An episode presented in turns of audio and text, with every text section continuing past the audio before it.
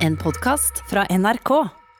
Vi har jo nesten gjort det til en vane ved å lage sendinger der vi lar publikum stille spørsmål om eh, korona. Fordi det renner jo inn en ganske stri strøm med spørsmål til redaksjonen.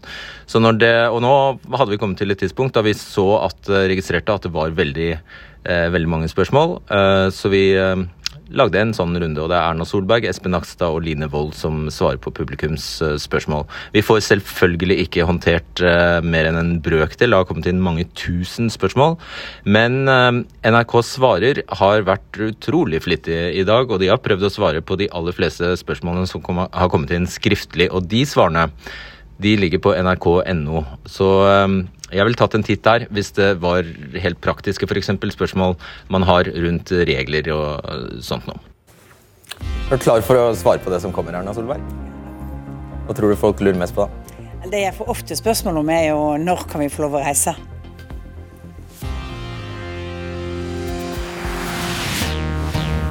Ja, velkommen til debatten. Her står resten av gullrekka i pandemihåndteringen. Espen Nakstad, Helsedirektoratet og Line Wold, FHI. Vel møtt til dere. Takk. Det har kommet inn mange tusen spørsmål siden vi i ettermiddag ba dere formulere det dere lurer mest på. Tusen takk for det. Og vi skal etter beste evne gi dere noen svar her, og det gjør også gjengen i NRK Svarer på nrk.no. Da foreslår jeg at vi bare kaster oss ut i det. Og vi eh, går først til Sandefjord. Der er du Emma Døvik, som 21 år gammel, som gjerne skulle reise til Spania med familien i sommer. Hva lurer du på? Ja. Eh, nei, med tanke på vaksinepass og reising, så lurer jeg på hva med oss som ikke blir fullvaksinerte på en god stund? Kan vi, hvis smitten avstar, reise etter hvert? Espen Nakstad, skal vi begynne der, og så kan du svare etter hvert? Ja, øhm, Dette er jo et sånt øh, vaksinesertifikat øh, eller koronasertifikat som ikke er ferdig utviklet i noe land i Europa ennå. Eh, Så det gjenstår litt å se hvordan det blir, også hvordan det blir for Norges del. Men øh, det er klart at EUs ambisjon er nok at man ønsker at er du fullvaksinert eller godt beskyttet, så skal du kunne reise. Og så blir det et spørsmål hva gjør man da med de som til og med er under 18 år også. Hvordan løser man det? Det er sikkert noe man finner en god løsning på i Europa etter hvert som pandemien kommer mer under kontroll og de fleste voksne er vaksinert, tror jeg. Ja, Så svaret til Emma er egentlig vi vet ikke helt. Vi vet ikke helt. Nei. Og Erne Solberg, hva skjer, det er flere som lurer på hva med de som eh, kommer utenfra EU, da? Hva skjer med vaksinepasset da? Eh, hvis de ikke har et verifiserbart vaksinepass, jeg sier det er det viktige, vi må kunne kontrollere det. Dessverre er det jo sånn at eh, det finnes mye falske papirer. Vi må vite at dette er verifiserbart. Eh, og I utgangspunktet så vil det jo da være et EU-system som verifiserer. og Så må vi se, da klarer vi å få, Er det andre land som klarer å lage systemer og har systemer som gjør at vi kan bruke de? Eh, Og Hvis ikke må vi ha en jobb på å se hva slags systemer, hva slags dokumentasjon eh, trenger folk som kommer fra andre land til oss i fremtiden.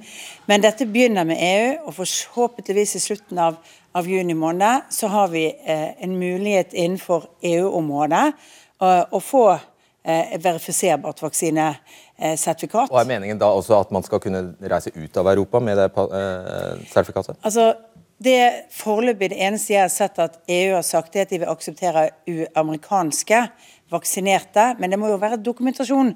Og da må vi, de andre landene må jo akseptere det EU-baserte systemet for øyeblikket. Men det er klart, jeg ville nok ikke trodd at å legge på langtidsferie et annet sted og tro at det ikke blir at du ikke ender opp med noen barrierer eller testing eller kanskje også karantene. For vi må huske en ting, det er masse muterte viruser og potensielt for det. Og det kan være at vi må ha karantene for å forhindre oss, for å forhindre å få inn et mutert virus som vi er usikre på at eh, vaksinen hjelper for. Ja, det skal vi komme mer i på. Off, ja. uh, Line er det en app Som som eh, dette vaksine... Eller ja, nå skal jeg holde tunga rett men. Dere kaller det jo bevisst, regner jeg med, ikke vaksinepass, da, men dere kaller det koronasertifikat. Er det en app? Ja. Det skal vel bli en app, dette vet eh, Helsedirektoratet Å, ja. og Skal bli en mer om enn meg. En QR-kode. Og da er neste ja. Foreløpig er det at du går på Helse Norge. Eh, Etter hvert kommer det en QR-kode, og eh, den siste versjonen vil nok bli en app. Og forhåpentligvis en app som kan brukes i hele Europa også. Men det er denne QR-koden som er nøkten til at du kan lese den, sånn at når du kommer på en, på en eller annen passsted, så vil den QR-koden gi deg et signal om at du faktisk er vaksinert, og at du kan komme inn. Nettopp. Vi går til Ørland kommune. Der bor du, Roger Skage, for tiden permittert fra jobb som nattevakt på et hotell. 57 år gammel er du, og du har ikke fått vaksine ennå. Men du har et spørsmål som dreier seg om nettopp eh, vaksine. Hvordan lyder det? Ja, jeg har et spørsmål til Nakstad Linevold. Og det er når han nå blir ferdig med to vaksiner i sommer, må jeg ta en ny vaksine neste år? Og i så fall hvor mange år til? Linevold? Ja, eh, Det vet vi ikke ennå. Akkurat nå så er det sånn at eh, vaksinasjonsregimet er to vaksiner for de fleste med disse mRNA-vaksinene. Og så må vi jo se hvor lenge man har immunitet ved bruk av det. Og så kan det også hende at det blir endringer i virus som gjør at vi må skru litt om på vaksinene, endre de litt for at de skal treffe bedre på nye varianter. Og da kan det også hende at man må ta en ny vaksine hvis det blir tilfellet. Men per nå så er regimet for de fleste da, at man får to doser med disse mRNA-vaksinene. Okay. Grunnen til at det er viktig at vi har internasjonal solidaritet at vi bidrar til å bekjempe i hele verden, det er jo nettopp at vi ikke får nye runder som gjør at vi må ha full ny vaksine. Så dette er en felles utfordring for hele verden. Og vi skal være opptatt av det som skjer i Afrika, i India og andre steder, av hensyn til også vår egen mulighet til ikke få ny smitte. For det er ikke over før det er over. Nei.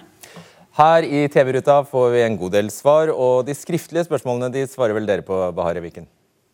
Det gjør vi.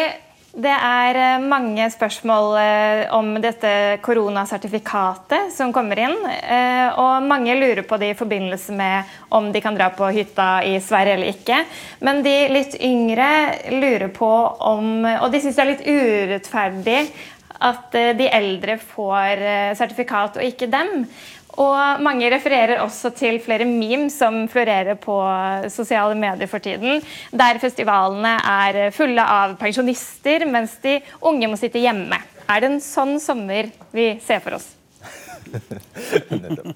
Vi skal videre til Bergen. Du skal eh, kommentere, kommentere en Eh, festivaler fulle av pensjonister eh, etter hvert. Men vi skal først til Bergen, eh, hjembyen din, Erna Solberg. Og det skal fortsatt dreie seg om vaksine, men da i et globalt perspektiv, som du, statsministeren så vidt var innom her. Marte Øygard, du er eh, medisinstudent. Hva lurer du på? Hei sann. Eh, jeg syns ikke at det snakkes nok om den globale vaksinefordelingen. Eh, den er ekstremt skjevfordelt, der de fattige landene, som gjerne har strammet, havner bakerst i vaksinekøen.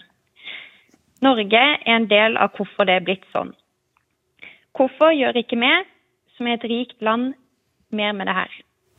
Svar kort på det, så har jeg en oppfølging her. Eh, vi er en del av hvorfor det blir sånn. Vi er også en del av hvorfor vi har en ordning som faktisk fordeler vaksiner.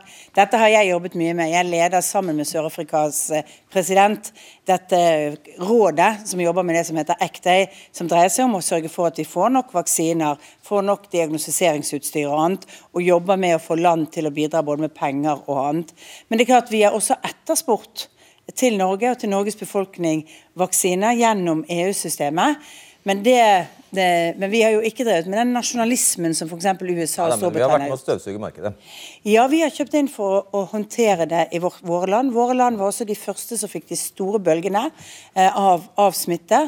Og så er det sånn at Vi er i stand til å hjelpe flere land rett og slett ved at våre land fungerer bedre også. Men jeg er enig i at vi er nødt til å fordele mer. og Derfor har vi gitt av våre Covax vi har gitt gratis av våre Covax-vaksiner. har vi gitt til andre land. Det er andre land som har fått av det. Og vi kommer til å fortsette å gjøre det fremover. Eh, og så er det ikke så lenge til vi etter hvert har fått iallfall én dose alle i Norge. Nå trenger jeg at du svarer litt uh, raskt på de følgende spørsmålene. Det har jo i dag blitt kjent at uh, president Joe Biden sier ja til å lette på de såkalte patentrettighetene. Det er altså hovedsakelig India og Sør-Afrika som de to største landene som har ønsket dette veldig sterkt, faktisk siden oktober. Og nå har altså eh, USA sagt ja. Det er ganske, det er ganske kan man si, skjellsettende. Eh, hva mener Norge om det? Vi mener at det er bra at det kommer nye forslag. Det forslaget som var fra Sør-Afrika og, og, India, det var forslag som var altfor omfattende, og som ikke ville nødvendigvis ha løst det. Derfor har Norge hele tiden sagt vi må finne andre løsninger, vi må få andre biter på bordet. Og det har også India og Sør-Afrika sagt at det jobber de nå med, og det har de lovet til slutten av mai måned å komme med. Og så vet vi jo ikke hva som ligger i det Biden har sagt helt systematisk ennå, men vi tror at vi nå beveger oss inn i et område hvor vi kan få løst opp på disse patentene, men vi vil fortsatt ha store utfordringer i produksjonen. Og Når du sier omfattende, så skal jeg bare opplyse seerne om at det hovedsakelig dreier seg om at India og Sør-Afrika, de fattige landene, kan man grovt si, Eh, de ønsket at patentene skulle fjernes ikke bare på vaksiner, men også på medisiner, annet teknisk utstyr som man selvfølgelig trenger i en pandemihåndtering, og som da er beheftet med patenter. Hva mente kan bare bekrefte det, at Norge i oktober, da dette forslaget kom på bordet, så stemte vi nei. Ja, det gjorde vi fordi det var for omfattende. Ja. Men vi ba også om at det kom nye forslag på bordet som gjorde at vi kunne bevege oss i bedre retning. Og Norge sitter da som eh, ja, et sekretær, eller har lederen i det såkalte TRIPS-rådet, som da er eh, patentrådet i Verdens handelsorganisasjon. Eh, og da, i oktober, sitat, mente Norge at de allerede eksisterende mekanismene i TRIPS-avtalen er tilstrekkelig, og kan ikke støtte dette forslaget. Hvorfor har Norge da snudd? Vi har ikke snudd, for vi har hele tiden bedt om å få andre forslag. Vi mener at det opprinnelige forslaget var for omfattende, for krevende. Og så er det jo, vi vil huske at det er produksjonskapasitet som er den største begrensningen akkurat nå. Og Dette er avanserte, krevende produksjoner som skal gjennomføres. Jeg tror det er 260 ulike innsatsfaktorer i noen av disse vaksinene. Det er, eh, det er ikke sånn at du knipser med fingrene og så løser du dette, men jeg håper vi finner en løsning. Siste spørsmål om dette. Det rapporteres at landene i sør er svært skuffet over Norge. De er ikke bare skuffet, de er også overrasket over Norges posisjon helt fram til i dag ca. Eh, siden vi hadde lobbet veldig sterkt overfor de samme fattige og middelinntektslandene for å få en plass i FNs sikkerhetsråd, og fikk etter hvert eh, gnagd oss til deres eh, stemme. Ingen angivelig i FN-systemet gir Norge noen ære for det som har skjedd nå. Æren, til, æren går til USA. Er det ikke derimot veldig ulekkert av Norge at vi nå jubler over et forslag vi har vært imot helt fram til nå? Nei, for Vi har hele tiden ønsket andre forslag på bordet og gitt uttrykk for det, som kunne gjøre at vi faktisk kunne bevege oss fremover. Og så må vi innrømme at USA, som sitter med innehaverne av de fleste av disse patentene, sitter også med nøkkelen til å finne løsningene. De fleste store farmasøytiske selskaper de er i USA. Norge har ingen. Vi hadde gitt opp en patent for et norsk selskap. Ja, men vi hadde ikke hatt noen. Men, da, men, det er andre land og andre lands arbeidsplasser dette hadde dreid seg om. Da er det viktig at vi faktisk sier det er en honnør til Biden som gjør dette nå. Og det er en fin reparasjon på at de faktisk har vært de mest proteksjonistiske på vaksiner så langt. Grunnen til at de når så høyt opp i USA, er at de har stoppet eksport fra USA til andre land. Ok, da freser vi videre. Og et uh, spørsmål fra Even Georg Myklebust, student i Ås. Men du er fra Stavanger, og det er et poeng her. Hva lurer du på? Uh, ja, jeg studerer jo i Ås, og jeg er folkeregistrert i Ås. Men jeg kommer til å dra hjem til Stavanger. Uh, problemet er at med gjeldende plan kommer jeg og veldig mange andre studenter til å få tilbud om vaksine i Ås. Så spørsmålet mitt er hva er planen for at studenter skal få vaksine uten unødvendig mye reisetid.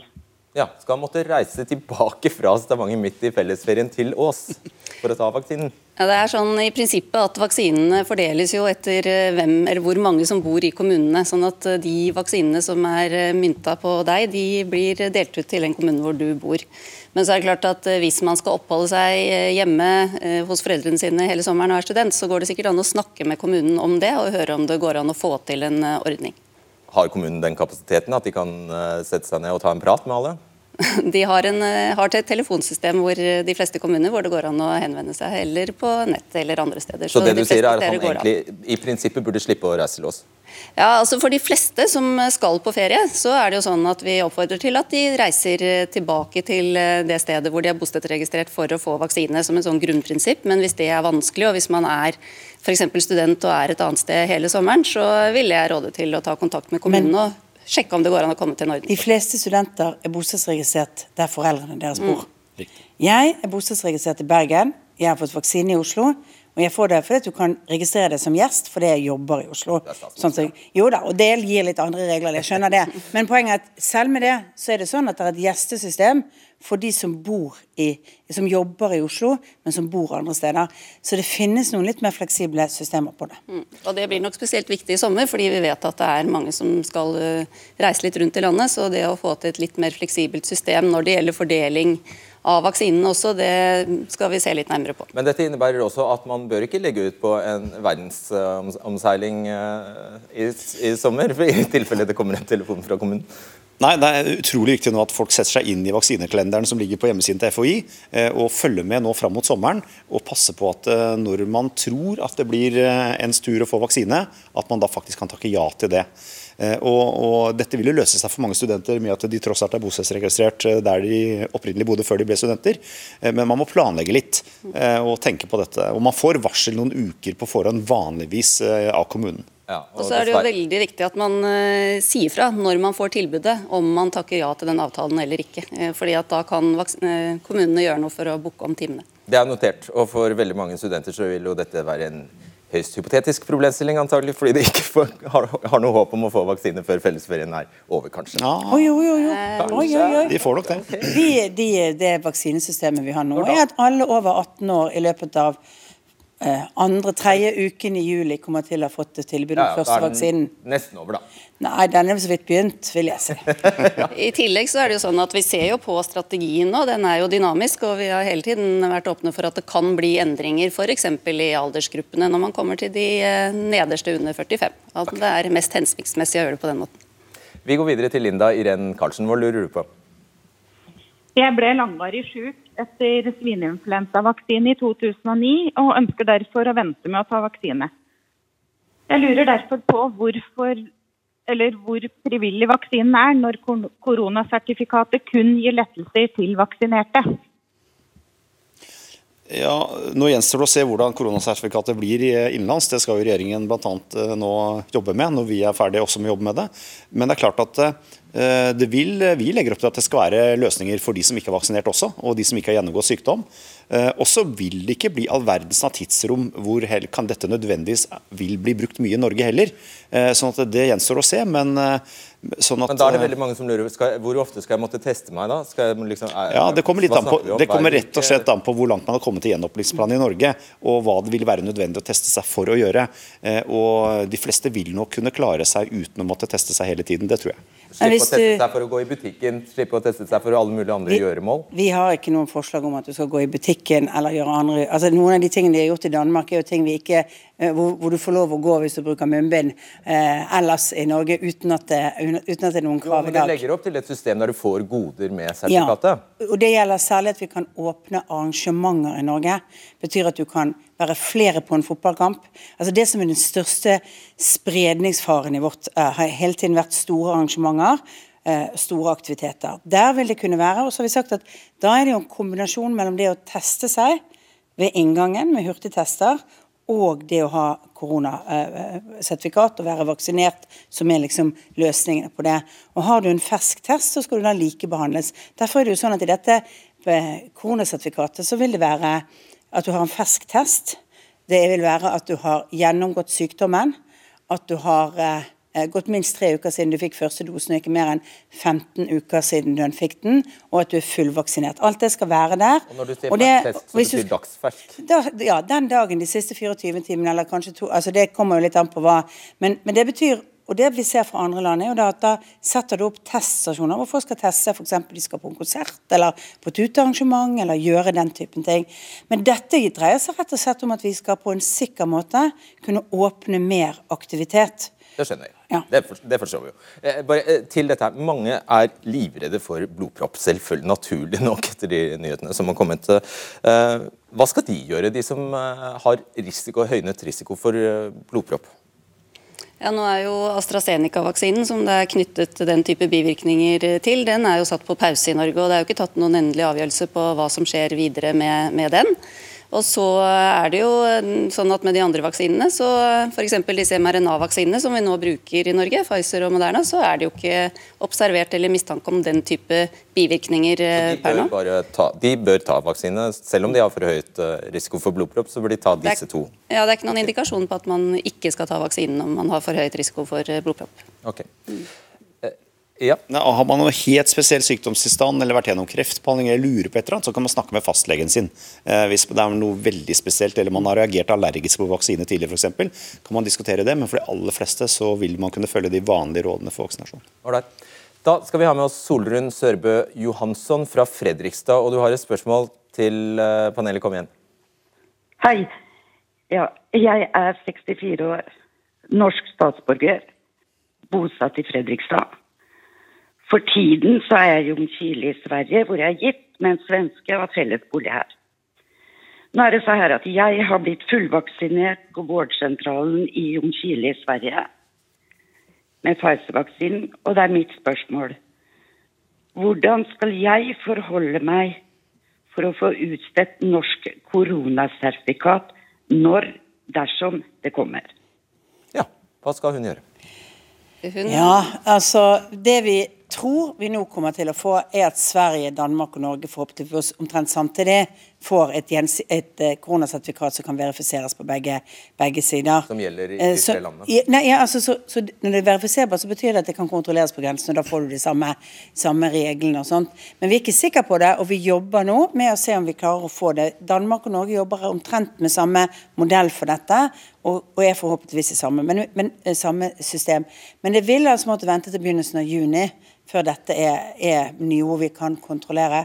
Og Så skjønner jeg at det høres litt urimelig ut og litt vanskelig for de som er eh, Men utfordringen vår er at vi må kunne kontrollere ting, f.eks. ved grensepassering. Akkurat. Et skriftlig spørsmål Naksa, som har kommet inn er eh, hvis man ikke har bank-ID, hva gjør man da?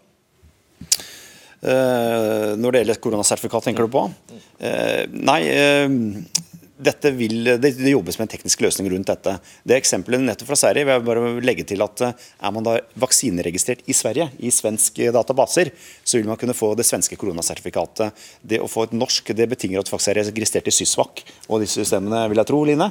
Eh, ja. Det går det an å få til hvis man tar med seg dokumentasjon fra Sverige så kan, eh, til der man er bosatt, så kan man få innført det i eh, vårt system også. sånn at man oh, ja. kan få den. Så det er, en det er en konkret løsning for henne? Ja. Akkurat. Eh, Ok, Dere jobber med dette med bank-ID. Ja. Og alle de som da ikke har smarttelefon, det er fremdeles mange. Hva skal de gjøre? For dette er en app. Ja, det, det er et godt spørsmål. Ja, Men eh, har man internett i gang og en PC, så kan man i hvert fall eh, logge seg inn på helsenorge.no. Ja, du kan ikke ta med deg PC-en rundt. Men, men hvordan dette skal bli i praksis for de som ikke har tilgjengelig en mobiltelefon Nå kommer du nesten ikke inn på et fly uten en mobiltelefon, sånn at eh, Men eh, vi må ta med oss det også. Dette er jo Eh, aldersdiskriminering på et Ja, nytt nivå, Men, da, hvis, eh, eh, men, hvis det eh, kreves eh, men vi må ta med oss det også, og jeg har ikke det gode svaret ennå, fordi det jobbes fortsatt med det. Mm. Ok, Vi skal eh, langt til nord, til Vadsø, og til deg, Johan eh, Pedersen. Betsy, hva er spørsmålet ditt? Ja, hei. Jeg lurer på hvorfor det er nærmest fritt frem å reise fra områder med, med mye smitte til f.eks. vårt område her i nord med lite smitte. Ja, kort og konsist. Det jeg kan si er at i hvert fall Fra vår side så er det sånn at vi har ikke vært tilhenger av at vi skal ha reiserestriksjoner innenlands eller søringkarantene og den type ting. Nettopp fordi folk har blitt anbefalt å unngå unødvendige reiser, og det har folk fulgt. Så de reisene som faktisk foretas når man f.eks. skal til Nord-Norge eller motsatt, de har ofte vært nødvendige. Og Det er viktig at man kan kunne besøke familiemedlemmer som er syke. Noen må på sykehus, noen skal i begravelse. Det er viktig å ha den muligheten. Ja, Men nå svarer du ikke helt Jo, på det sånn, altså, jo, av. Implisitt så er det dette med ikke sant, eh, at det, det har løst seg med de anbefalingene. og Derfor så har i hvert fall vi tenkt at dette har fungert godt. Og da har man ikke lagt noen eh, restriksjoner eller forbud mot det. For alle folk som er ikke i den kategorien som er såkalt beskyttet, da, som, har, eh, som vi innførte nå for to dager siden, det betyr at de har hatt korona eller er vaksinert og det gått tre uker, eh, så er det jo sånn at anbefalingen er ingen unødvendige reiser. Det betyr at de som skal kunne reise fra f.eks. Oslo til Finnmark, da, det er fordi de har en jobbreise, det er fordi de skal gjøre noe. Og veldig mye helsepersonell reiser jo til Finnmark fra andre steder i landet. Det er veldig mange som skal bevege seg. Det skal bygges veier, det skal gjøres ting. Det er entreprenører som får folkene sine inn. Eh, Så vi, så vi må ha en bevegelse i vårt samfunn. og Det vi så i fjor Ja, men så folk, folk, etterlyser, eh, folk etterlyser logikken i systemet. Her er en som eh, skriver Jeg kan handle på Stovner senter, der er det mye trengsel og høyt smittetrykk. Men jeg kan altså ikke dra på hytta mi i Sverige. Ja, og det er fordi at da beveger du deg til et sted med høyt smittetrykk og over grensen, og vi må ha kontroll på hvem som kommer over grensen. Sant? Hvis ikke så, og det, det har vi hatt som, som regel lenge, fordi vi må sørge for at vi ikke importerer smitte. Og nå har vi hatt så mye diskusjon om importsmitte, og husk at den viktigste delen av importsmitte er ikke utlendinger som kommer til Norge, det er folk som bor i Norge, som har vært i utlandet og kommet inn.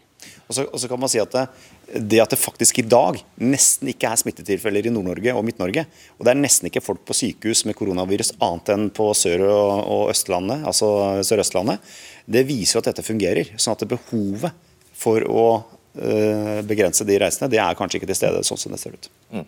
Vi skal til Strømmen, og der er du student René Eriksen. Eh, Du er mildt tatt eh, ja, det er vi alle tiltakstrøtt, og jeg har forstått det slik at du har et spørsmål om nettopp tiltakene?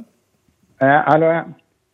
Jeg lurer på hvorfor vi unge og friske må leve under såpass inngripende tiltak nå og under trinn to av gjenåpningsplanen, når vi straks har vaksinert alle i risikogruppa og alt helsepersonell, som er de to gruppene vi har fått beskjed om å beskytte gjennom hele pandemien. Dere sa jo egentlig at det var de eh, syke og de eldre vi skulle beskytte, og så tar jo dette ingen ende. Ja, og så ser vi at uh, yngre mennesker er blitt syke, som ikke har underliggende sykdommer, eller vi ikke vet om har underliggende sykdommer. Når vi nå hadde denne tredje bølgen, så havnet folk med yngre, i yngre alder på sykehus også. Derfor er det viktig at vi går gradvis gjennom. Og så er det så viktig at vi ikke får Hva, eh, unnskyld at jeg avbryter. Du sier bare yngre. Hva betyr det? Hva legger du i begrepet eh, yngre? 40-åringer, f.eks. Det er jo etter mine begreper yngre. Jeg håper du er som etter det. Men, eh, men, eh, men det er altså eh, og, og, det- og det er jo folk som da er fortsatt uvaksinert i store deler av landet. Og når vi kommer til trinn to, så vil vi gradvis åpne for mer aktivitet. Men her er det jo mange som mener at dette er jo et beve totalt bevegelig som å skyte på løpende villsvin. Altså, det, dere endrer målet hele veien. Nei, men egentlig ikke. fordi i hele pandemien så har den aldersgruppen som har vært mest innlagt på sykehus i antall, det er de i 50-årene. Det er den største gruppen gjennom hele pandemien. som eh, Det er flest av 50-åringene som har vært innlagt. Eh, Og, og Vi kaller dem yngre fordi med en sykdom hvor dødeligheten er stort sett på over 80 i snitt, eh, så er det å være 50 år er faktisk ganske ung. Og Det er for å unngå at vi får et stort antall 50-åringer, og 40-åringer og 30-åringer på sykehus, at det fortsatt er tiltak i Norge. Og så skjønner vi godt at uh, ungdommen er tiltakstrøtt, og at uh, det er mange nå som ønsker letting på tiltakene. Og jeg tror det er viktig å påpeke at nå er vi på vei nedover når det gjelder eh, smittetall, og det går raskt fremover med vaksinasjon. Så vi er ikke så langt unna å åpne ytterligere for, på samfunnet sånn som det ser ut per nå. Så det er godt nytt, tenker jeg. Ok, Jeg smetter inn noen, mange skriftlige spørsmål om eh, 17. mai. Hva gjelder der? Det gjelder egentlig de reglene som er helt generelle, som er for øyeblikket. De er jo de generelle nasjonale reglene. At du ikke skal ha mer enn fem eh, på besøk som anbefaling. At du, eh, også, eh, og at du ikke skal være for mange på et utearrangement. Og så er det jo nå veldig stor forskjell mellom f.eks. Oslo, Bergen sine regler og resten av landet, altså de nasjonale reglene. Derfor er det ofte litt vanskelig å snakke om disse reglene nå. Det er derfor jeg spør. Ja, nettopp. at I Oslo så er det jo sånn at du ha, kan ha maksimalt ti, og det er forbudt å ha mer enn ti til stede i, eh, på et arrangement. Ja, så forbudet er ti, men anbefalingen er fem. Anbefalingen er fem, og i Bergen er anbefalingen to. For å gjøre det enda vanskeligere. Ja, og Hvorfor gjøre det så vanskelig? Dere blir jo latterliggjort med disse ringene og disse nivåene. Ja, men vi er ferdig med de ringene, og det var en liten stund, og så må vi jobbe. Jo, jo, men samtidig så er det viktig Noe av det viktigste som folk har fortalt oss gjennom den tiden, er hvorfor skal vi ha så høyt eh, tiltakstrykk her, når hoveddelen av smitten er andre steder? Og Da blir det litt mer komplisert, for enten har vi strenge nasjonale regler, eller så har vi litt mer liberale nasjonale regler og strengere lokale regler. Ja da, ok. For, ok, vi, vi beveger oss fra 17. mai. Jeg kan sikkert komme nærmere inn på det, for det var ikke helt uh, Vet ikke om det svaret var veldig tilfredsstillende, men vi kan komme tilbake til 17. mai. for Vi skal innom eh, et tilstøtende mm, kompleks, nemlig russ. Uh, Ane Sonja Heier, du er russ i år og med på bussen med dekknavnet Innertier. Dere er 31 stykker på denne bussen i Oslo. Du har et spørsmål om russetiden. Ja, eh, jeg lurer på om det er realistisk for eh, Oslo-russen å rulle, enten i juni eller i juli. Og med rulling så mener jeg da 30-40 personer samlet inne i en buss. Flere jeg kjenner har brukt 45 000 på russetiden, hvor et presist svar på dette eh, kan gi oss en eventuell mulighet til å prøve å få noen av disse pengene tilbake. Så er det realistisk. Linevold. Ja, Da er det sånn at eh, Vi vet ikke noe sikkert om hvordan situasjonen i Oslo blir eh, fremover. For du tilhører Oslo, hvis jeg forsto det riktig. Eh, Men det er jo sånn at det å være inni en buss det er faktisk ikke oppfattet av arrangementsregelverket. Så det er egentlig Er det ikke? Nei. Sånn at det er egentlig tillatt å rulle. Hva er altså sånn logikken i det, da? nivå. Hvorfor er, Nei, hvorfor er det ikke et arrangement å sitte Det er jo ikke en turbuss. Det faller liksom litt mellom flere stoler når det gjelder regelverk. Det er ikke utviklet spesifikke regler akkurat for rulling og russebusser. Men rådet da, er at Ja. man må redusere kontakt for å redusere eh, eh, risiko for smitte. Ja, men- Sånn at vi anbefaler at man har noen, eh, en gruppe som man forholder seg til og har nærmere kontakt med, eller der skal man også holde avstand, men, men som er de man omgås i russetiden. Og den gruppa kan ikke være på 31 mennesker? Er det da sånn? er det større risiko for at du får mer smitte enn hvis du holder Ja, den eh, man jo, mindre. Er det lov? Det er lov å være 31 mennesker inne i en russebuss og rulle per nå, men det er jo ikke å anbefale fordi at det vil være en forøket risiko for smitte. Og Jo færre du er i de faste gruppene som vi råder russen til å etablere, jo mindre risiko blir det for smitte. Så vi oppfordrer sterkt til at de utpeker noen mindre grupper som de forholder seg til gjennom russetiden. Men Heier kunne jo, Ane kunne jo lett eh, tolke det svaret der som en tommel opp. Nei, det er ikke en tommel opp, for vi har råd om eh, noe annet. Og, og her er det forskjell eh, liksom, på å forholde seg til regelverket og rådene, men vi vil jo at folk skal forholde seg til de rådene som gjelder. Kan barn ta imot russekort? Ja, barn kan ta imot eh, russekort. Ja. VG har en sak i dag Lindevold, om at unge kan bli fristet til å la seg bli smittet av koronaviruset for å få fordeler med dette sertifikatet. Det kjenner dere til? Ja, Det har jo vært eh, diskutert eh, flere ganger om det kan bli sånn at folk eh, vil la seg smitte for å oppnå eller for å bli immune. Da. Men det er jo ikke noe vi anbefaler. Nei, og det er fordi vi vet, vi Men- vet ikke hvem det er Nei. som kan bli alvorlig syk og utvikle sykdom. Så det anbefaler vi. Hva gjør dere for å forhindre det, da? Jeg, jeg, jeg tror det er litt overdrevet. Du sikkert kunne finne folk som sier ja, det kunne de tenke seg. Men, eh, Det har vi har kommet no veldig mange spørsmål om det. jo, men vi har noe som heter long covid. altså Det er langtidseffekter av koronavirussykdom, også for de som får mild sykdom, ikke havner på sykehus. Mange unge mennesker eh, faktisk mister luktesansen eh, en periode, kanskje flere måneder. Og det er en del uheldige effekter av det å faktisk bli syk, også hvis du er ung. Og det tror jeg mange unge vet, så jeg tror ikke dette er noe praktisk stort Og problem. for eksempel er det en del som får redusert oksygenopptak over lengre tid i lungene. Altså Hvis du trener, hvis du er aktiv, hvis du har noen ambisjoner om det fremover, så utsetter du deg, deg for en stor risiko. Og så er jo det, Vi må huske litt på noen av de store tragediene vi har hatt i idrettsverdenen også.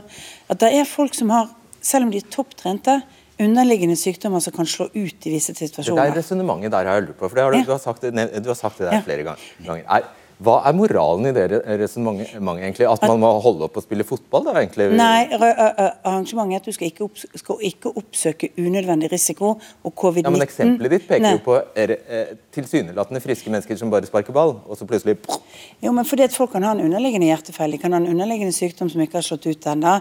Og da vil jo en situasjon som en covid-19-sykdom som blir alvorlig, kunne være veldig farlig. Gjelder ikke dette i livet? Eh, jo, men hvilken risiko vil du ta? Og det er derfor jeg sier det. Ja, Du utsetter deg selv for risiko. Jo, men jeg tror at du skal være klar over at det er ikke sånn at det for alle bare blir en lett influensasymptom. Det kan bli en alvorlig og langvarig effekt av dette. Jeg må legge til at Det er noe som heter koronastudien, som gjennomføres av Oslo universitetssykehus. Hvor man da har registrert eh, helseplager hos også unge mennesker som har vært smittet.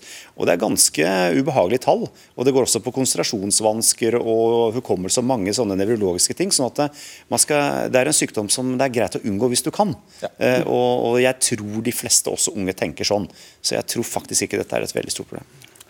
Da skal vi til Bærum og til Brage Nøkling, som snart er 18 år. Du har et spørsmål om bøter til unge, Brage.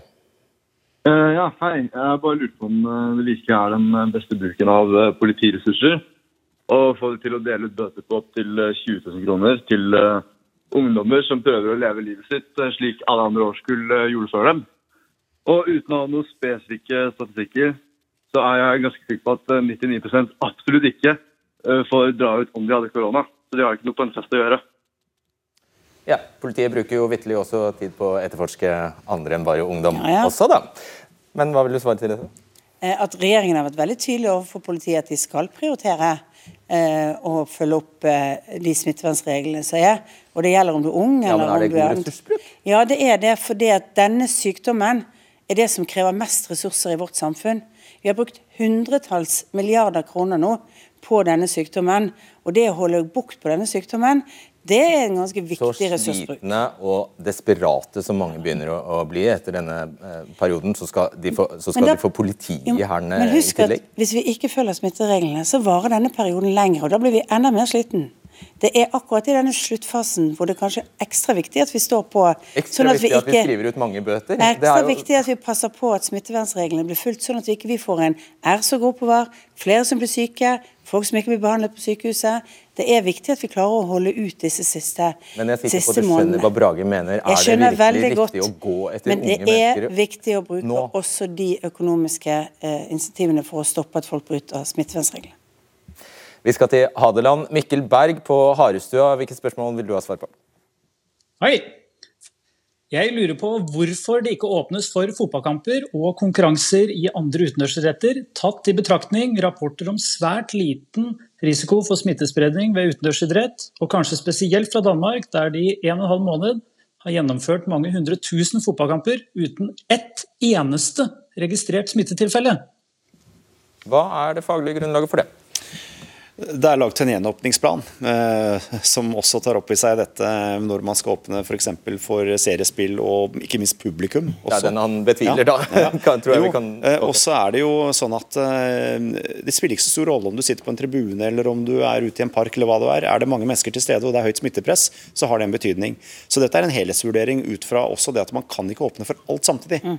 Da blir summen for stor, og da kan vi raskt få en smittevekst og en ny smittebølge. Så det er egentlig en Og enkel Hvorfor vurderer de dette så annerledes i Danmark, tror du? jeg tror ikke det vurderes så veldig eh, annerledes i Danmark, og jeg tror du finner mange smittetilfeller i Danmark knyttet til eh, folkemengder eh, også som i hvert fall ser på eller er til stede på ulike arrangementer. Men jeg, men, ja. får lov å si, jeg er jo uenig med en dansk prioritering som har prioritert fotballkamper foran åpning av skoler. De har åpnet skoler mye senere, de har holdt de stengt lenger. Vi har hatt en prioritet på barn og unge, vi har hatt en prioritet på barn og unges fritidsaktiviteter, men vi kan ikke åpne alt. Og Det kan være et politisk valg, det kan være ulike grunner til at man gjør det, men vi har vært veldig tydelige fra i fjor at vi kommer til å Det kan prioritere være et barn og politisk unge. valg. Enten er det vel Jo, altså, et altså, politisk det kan valg. være Er det det? Er det et valg. politisk valg? Det er jo et politisk valg hva vi har gjort. Vi valgte å si barn og unge først, så arbeidsplasser, sant? så fritidsaktiviteter og andre ting. Og da er det sånn at Hvis vi ikke kan åpne alt, så følger vi den prioriteringen. Hvor vi tar tiltak for barn og unge, vi tar tiltak som bidrar til arbeidsplasser. Vurdert innenfor en sånn situasjon. Og Det er ikke alt da som kan sammenlignes én for én, men uh, det er summen som er viktig. Ja, og, det, og det er jo fortsatt sånn at Vi vet ikke nok om effekten av hvert enkelt eh, smitteverntiltak. Vi vet bare at summen fungerer. og Dermed så blir det en prioritering hva man da skal slippe opp for. Og dermed får du misfornøyde, men- misfornøyde mennesker overalt. Ja, Det vil være veldig mange som har ønske om åpning og lettelser i det de driver med, og det forstår vi godt. Men det kan ikke åpnes for alt eh, samtidig, for da kan vi komme til å se en stigning i smittetallene igjen. Og det ønsker ingen, for nå ønsker vi å åpne samfunnet. Ja, og dere åpner eh, for Eliteserien eh, til helgen. Hva er reglene da? Ikke alle, ta de viktigste. Det åpnes for, eh, for eh, toppidrett, eh, fotball, og også at media kan være til stede og dekke det, bl.a. Og det likebehandles nå sånn at man kan komme i gang med en serie. Eh, Men så er det ikke så lenge til det skal vurderes neste fase i gjenåpningen, og da vil andre i vurderinger også med idrett komme inn. Men Betyr det ingen publikummere foreløpig? Ja. Jo, og det, det er det regler på. Eh, 200? Ja, To ganger 300, det er det det har vært på fotballkamper siden i juni i fjor. Og det kan i fasene fremover, hvis du bruker koronapass og, og, eller, og testing, så kan det være at det blir flere. Dette er jo et av de arrangementene hvor du kan øke publikumstilstedeværelsen. Men så er det jo sånn foreløpig at Vi har et ønske om at alle nå følger smittevernreglene videre. og Enten du er på fotballkamp eller hvor du er hen, eller om du mottar eh, russekort. Så er det viktig å huske på de generelle smittevernreglene. bare for å ha sagt det. Ja. Men bare si, vi, vi, vi, vi har også åpnet for sluttspillet nå på, på håndballserien. Eh, fordi de har jo utsatt ganske mange. Det er jo egentlig en vinteridrett, men de har utsatt den. Eh, og den, det får de nå ta for å bli ferdig med den serien. Fra Halden har vi med oss eh, Margit Syversen. Hva lurer du på, Margit? Ja. Jeg har en svensk eh, kjæreste som jeg savner forferdelig mye nå. Jeg har ikke fått møtt han på godt over et halvt år. Eh, hvorfor gjør ikke regjeringen noe mer konkret for meg og andre i min situasjon? Eh, når dere har klart å åpne for så mange unntak for utenlandske arbeidere. Hvordan kan du virkelig synes at denne politikken er rimelig og rettferdig på noen måte, Erna Solberg? La meg begynne med å si at Det er ikke åpnet for mange utenlandske arbeidere. Det er åpnet for helsepersonell som kommer inn og jobber i Norge fra nabolandene våre. Det er åpnet for dagpendlerne fra nabolandene våre under et veldig strengt testregime, hvor de testes eh, eh, hver eneste eh, uke. Og ellers er det en veldig begrenset tilgang for øyeblikket. Men det er riktig at det var mer åpning i høst. På samme tid som det også var mer åpning for kjærester å komme, så stengte vi ned for dette. Og så er jo dette et av de tiltakene vi skal se på i trinn to. Som vi nå nærmer oss. Er det rettferdig? Ja, det, altså, vi, det er jo sånn at også det å få besøk eh, inn til landet av nær familie er en fare for å få smitte og smitte inn. Og når vi da fikk mye importsmitte, skulle ha kontroll på de nye mutasjonene. Og det som er viktig, er at vi nå har sett at vi har fått kontroll på den sørafrikanske mutasjonen. Nå slåss vi mot å få den indiske mutasjonen inn til Norge. Og da er vi nødt til å ha noen regler, men dette er faktisk et, en av de tingene som ligger i vurderingen på trinn to, som er det første, altså neste trinnet vi skal ta, hvor vi kommer til å se på nære familierelasjoner. Bare Apropos Sverige, det finnes 13 000 nordmenn som har, uh, som har hytter i, uh, i Sverige. Der, der, har dere laget en regel at man kan svippe over grensa i en dag og gjøre, gjøre vedlikeholdsarbeid, men, men man må komme seg tilbake veldig raskt. Eh, veldig mye, altså Du rekker ikke å male hytta for eksempel, hvis det trengs på en dag. Hvordan dokumenterer man at man har gjort vedlikeholdsarbeid på egen hytte? Nei, det, noe av dette er jo selvfølgelig tillitsbasert når du kommer at du kommer inn og ut. Og, og det tror jeg folk eh, har ansvar for. Men det er viktig å si at vi må ha altså, eh, Det er mange sånne enkeltsaker hvor vi kan si at dette kunne vi gjort på en annen måte. dette kunne vi gjort på en annen Men det øker smittetrykket.